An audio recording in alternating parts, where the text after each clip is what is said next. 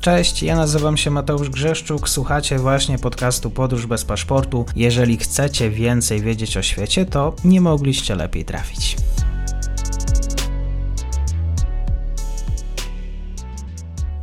Dzień dobry wszystkim słuchaczom. Dzisiaj tematy włoskie, a jeżeli rozmawiamy o kraju, o Italii, oczywiście pan profesor Stefan Bielański, kierownik zespołu badawczego Italian Studies, również Instytut Nauk o Polityce Administracji, Uniwersytet Pedagogiczny w Krakowie. Dzień dobry panie profesorze. Dzień dobry, witam serdecznie. Dwa pytania na temat energetyki, włoskiej energetyki. Włochy zawarły porozumienie z Algierią w sprawie zwiększenia dostaw gazu. Taki news pojawił się tydzień temu. Z kolei w trakcie ostatnich 24 godzin pojawiło się kolejne porozumienie, tym razem dostawy gazu z Angolii. E, Włochy zawarły w środę takie porozumienie z tym krajem. Panie profesorze, jakie jest tło tych wydarzeń? No przede wszystkim wojna na, na Ukrainie, agresja rosyjska na, na Ukrainie i Włochy, które są mocno uzależnione od dostaw gazu i ropy, a w szczególności gazu, bo to jest jednak dosyć ważne paliwo energetyczne w gospodarce włoskiej i nie tylko w gospodarce, także da użytek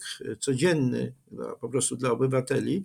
Ten element bardzo istotny właśnie polityki energetycznej powiązanej z zagadnieniami geopolitycznymi, no leżał początku, od początku, był takim istotnym problemem w dołączeniu się Włoch, zwłaszcza pod kierunkiem premiera Dragiego, do skutecznych sankcji wobec Rosji.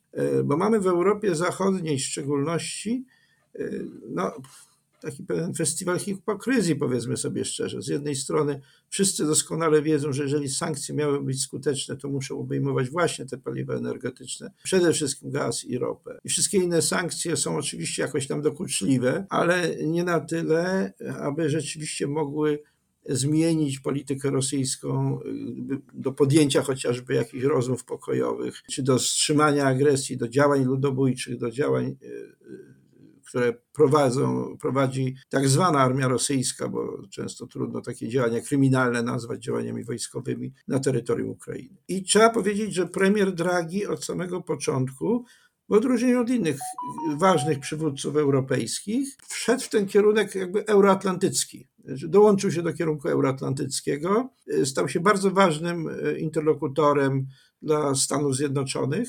Myślę, że tu odgrywa rolę także fakt, iż pełnił tą funkcję prezesa Europejskiego Banku Centralnego, który ściśle przecież współpracował z najważniejszymi innymi strukturami finansowymi, w tym także z Federalnym, Federalnymi Rezerwami Amerykańskimi, Bankiem Światowym. To są wszystko bardzo ze sobą powiązane struktury.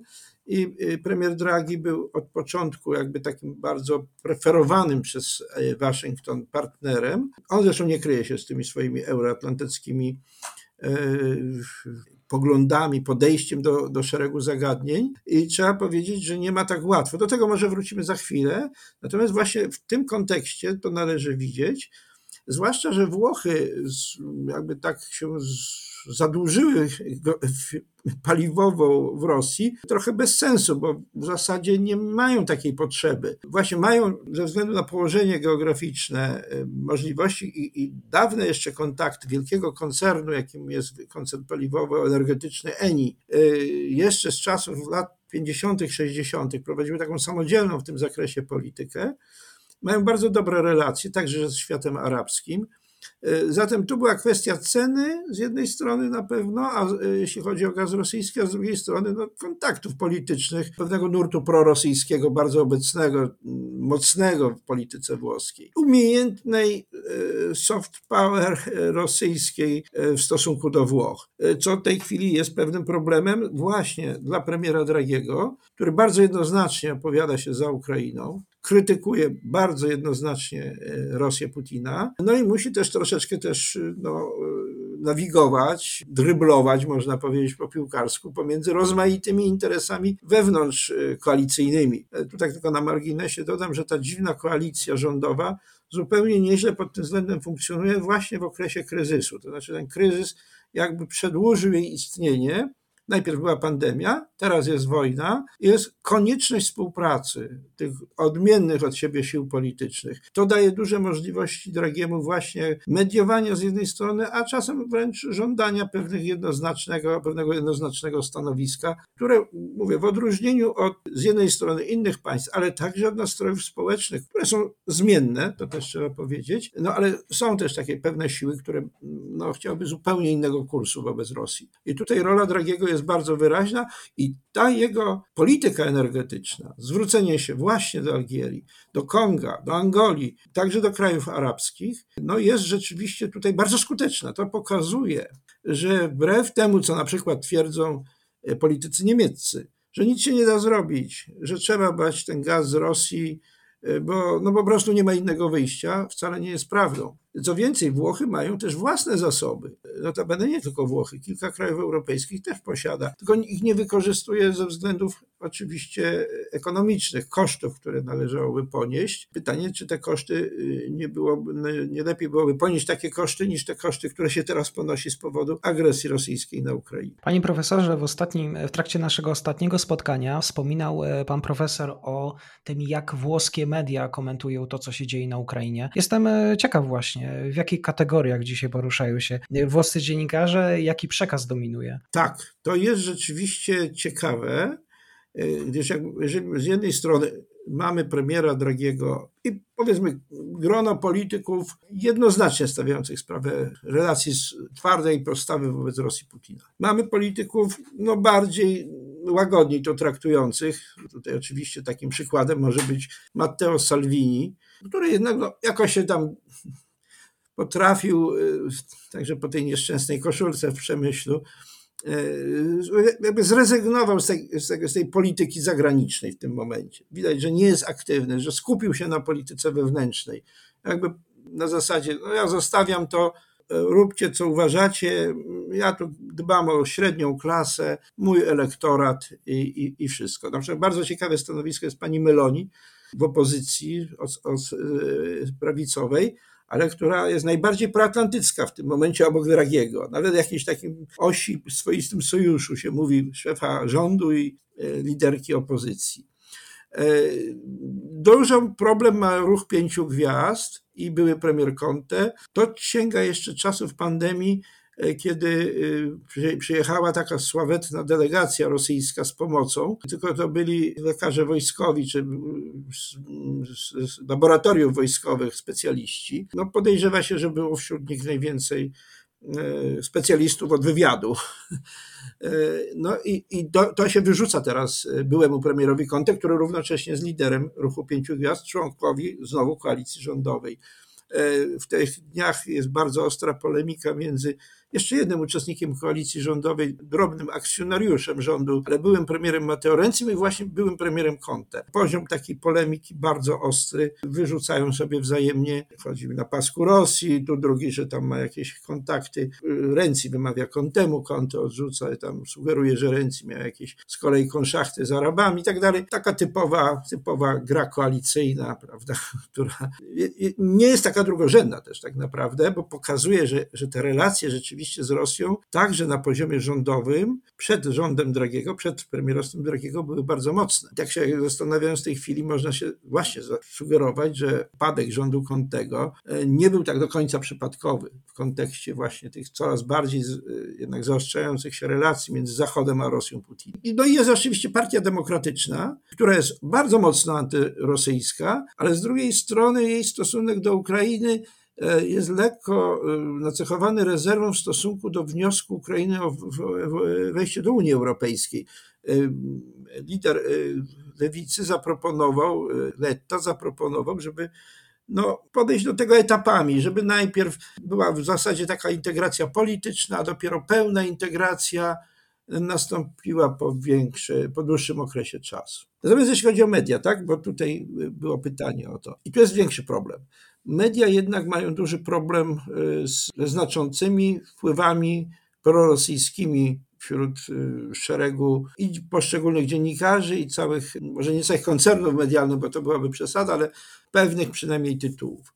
No, bardzo wyraźnie było widoczne nastawienie prorosyjskie y, mediów Berlusconiego do czasu, gdy sam Berlusconi stwierdził, że rozczarował się jednak Putinem i one przybrały znowu taki antyrosyjski kurs. Widać wyraźnie, że dużo zależy tu od y, zdania patrona, od, od zdania właściciela. Jeśli chodzi o media publiczne, jest też sieć telewizyjna y, TV Set, to, i, i tam jest jakby najbardziej, powiedziałbym, obiektywnie. Natomiast jeśli chodzi o media publiczne, to jest tu no, pewien chaos tak, tak można powiedzieć. Znowu jakby odradzały się te sojusze dawne, czy powiązania dawne z siłami politycznymi. Widać wyraźnie na przykład, że w Raj Uno, konkretnie w tych programach publicystycznych, duże znaczenie ma e, pozycja Watykanu, która jak wiadomo no nie przez wszystkich jest akceptowana. Z jednej strony papież bardzo wyraźnie potępia to, co się dzieje na Ukrainie tak, to co ofiary, modli się za ofiary, krytykuje szaleństwo wojny, no ale z drugiej strony nigdy nie powiedział, że agresorem jest Rosja Putina. W tle prawdopodobnie są kwestie relacji z cerkwią rosyjską. Na pewno sam Watykan znajduje się tutaj w dosyć takiej trudnej sytuacji ze względu na podwójny charakter, można powiedzieć, funkcjonowania stolicy duchowej, no i jednak e, także prowadzącej normalną politykę międzynarodową, e, no i międzykościelną również. I to w Raj Uno widać wyraźnie, ten rodzaj takiego podejścia tego typu. Z drugiej strony dosyć mocny jest przekaz w drugim programie Rajdue, taki mocny antyrosyjski, czyli odpowiadający realiom, tak powiedzmy sobie szczerze. Ambiwalentnie to wygląda dużo bardziej w trzecim programie, wręcz do tego stopnia, że mamy takiego, no już tam protagonistę prorosyjskiego, jakiego profesora Orsiniego, który no, po, ma podejście następujące, że Ukraina po prostu powinna się poddać, bo nie ma szans na E, na nic w tej wojnie, że głównym winowajcą jest właśnie Ukraina i Zachód, że prowadzi w ogóle e, wojnę obronną przeciwko Rosji. No, wydawałoby się to jakiś absurd nieprawdopodobny, ale on jest podtrzymywany do tego stopnia, że e, no, to jest zresztą znana postać, ten profesor Orsini z Uniwersytetu Louis w Rzymie. Powiedział nawet, tak dochodzi do absurdu, że stwierdził, że ważniejsza jest, nie jest ważna demokracja, nie jest ważna wolność, ważne jest, żeby nie było zabijania dzieci, pod tym kątem taki sentymentalnie, tak, w taki sposób no jakby emocjonalny gra na tym. No i w ten sposób y, tutaj mamy do czynienia z, z takim absurdem, że stwierdził, E, że lepiej już jest w dyktaturze żyć i na przykład jego e, dziadkowie, jak swoje dzieciństwo spędzali w czasach faszyzmu, to, to, to, nie było takie złe w stosunku do tego, że zanim zaczęła się wojna. No oczywiście wywołało to, zwłaszcza w kontekście chodów rocznicowych, a Orsini się deklaruje jako człowiek lewicy, e, no duże wrażenie, no jak to tak propagować, że lepszy jest nawet faszyzm niż, niż wszelkie działania walki o wolność. Pamiętajmy też, że we Włoszech jest jednak też mocna tradycja ruchu oporu w czasie II wojny światowej. E, innymi słowy, mamy tutaj e, pewien bałagan i myślowy, i mm, nie ma jednoznacznego przekazu. Też jest dużym problemem, też jest brak wiedzy takiej, po prostu często ignorancji tego, co, co, co się dzieje w ogóle w Europie Wschodniej, y, dlaczego Ukraińcy, Rosjanie, y, jednak przez całe lata, zwłaszcza w takich obszarach dalekich, od, y, oddalonych od Europy Wschodniej, od Europy Środkowo-Wschodniej, wizja była bardzo uproszczona, że tam jest właściwie Rosja, potem Związek Radziecki, czyli też Rosja i w zasadzie taki niepodległościowy charakter tych ruchów wcześniej, prawda, ukraińskich, czy, czy białoruskich, czy nawet krajów bałtyckich, no, był postrzegany jako wewnętrzna opozycja w ramach państwa rosyjskiego, tak to można określić. Stąd jest to jakieś takie wielkie odkrycie niemalże, że Ukraina jest państwem niepodległym, że ma własne wojsko, że e, niekoniecznie e, chce być powiązana z Rosją, że chce być powiązana z Zachodem, ale z drugiej strony trzeba powiedzieć, że ta przyspieszony kurs, krótki kurs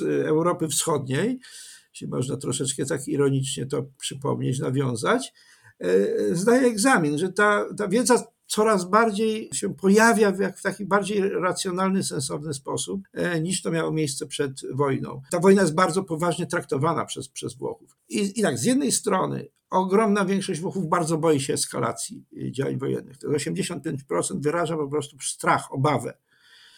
Ale z drugiej strony ponad 70% popiera działania ukraińskie. Jednak dość taki precyzyjny sposób włoskie media, mimo tych, tych bo to mówiliśmy o komentarzach, natomiast jeśli chodzi o reportaże, o, o relacje z frontu, one są bardzo konkretnie pokazywane.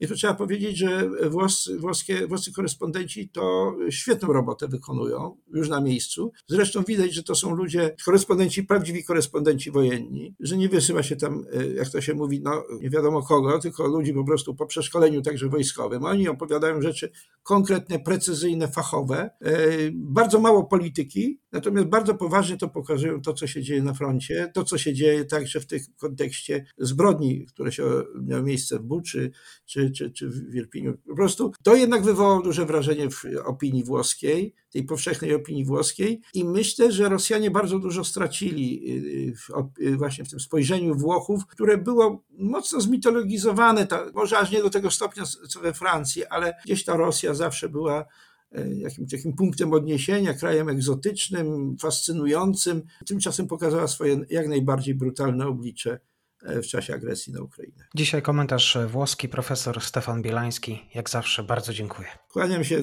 Do zobaczenia.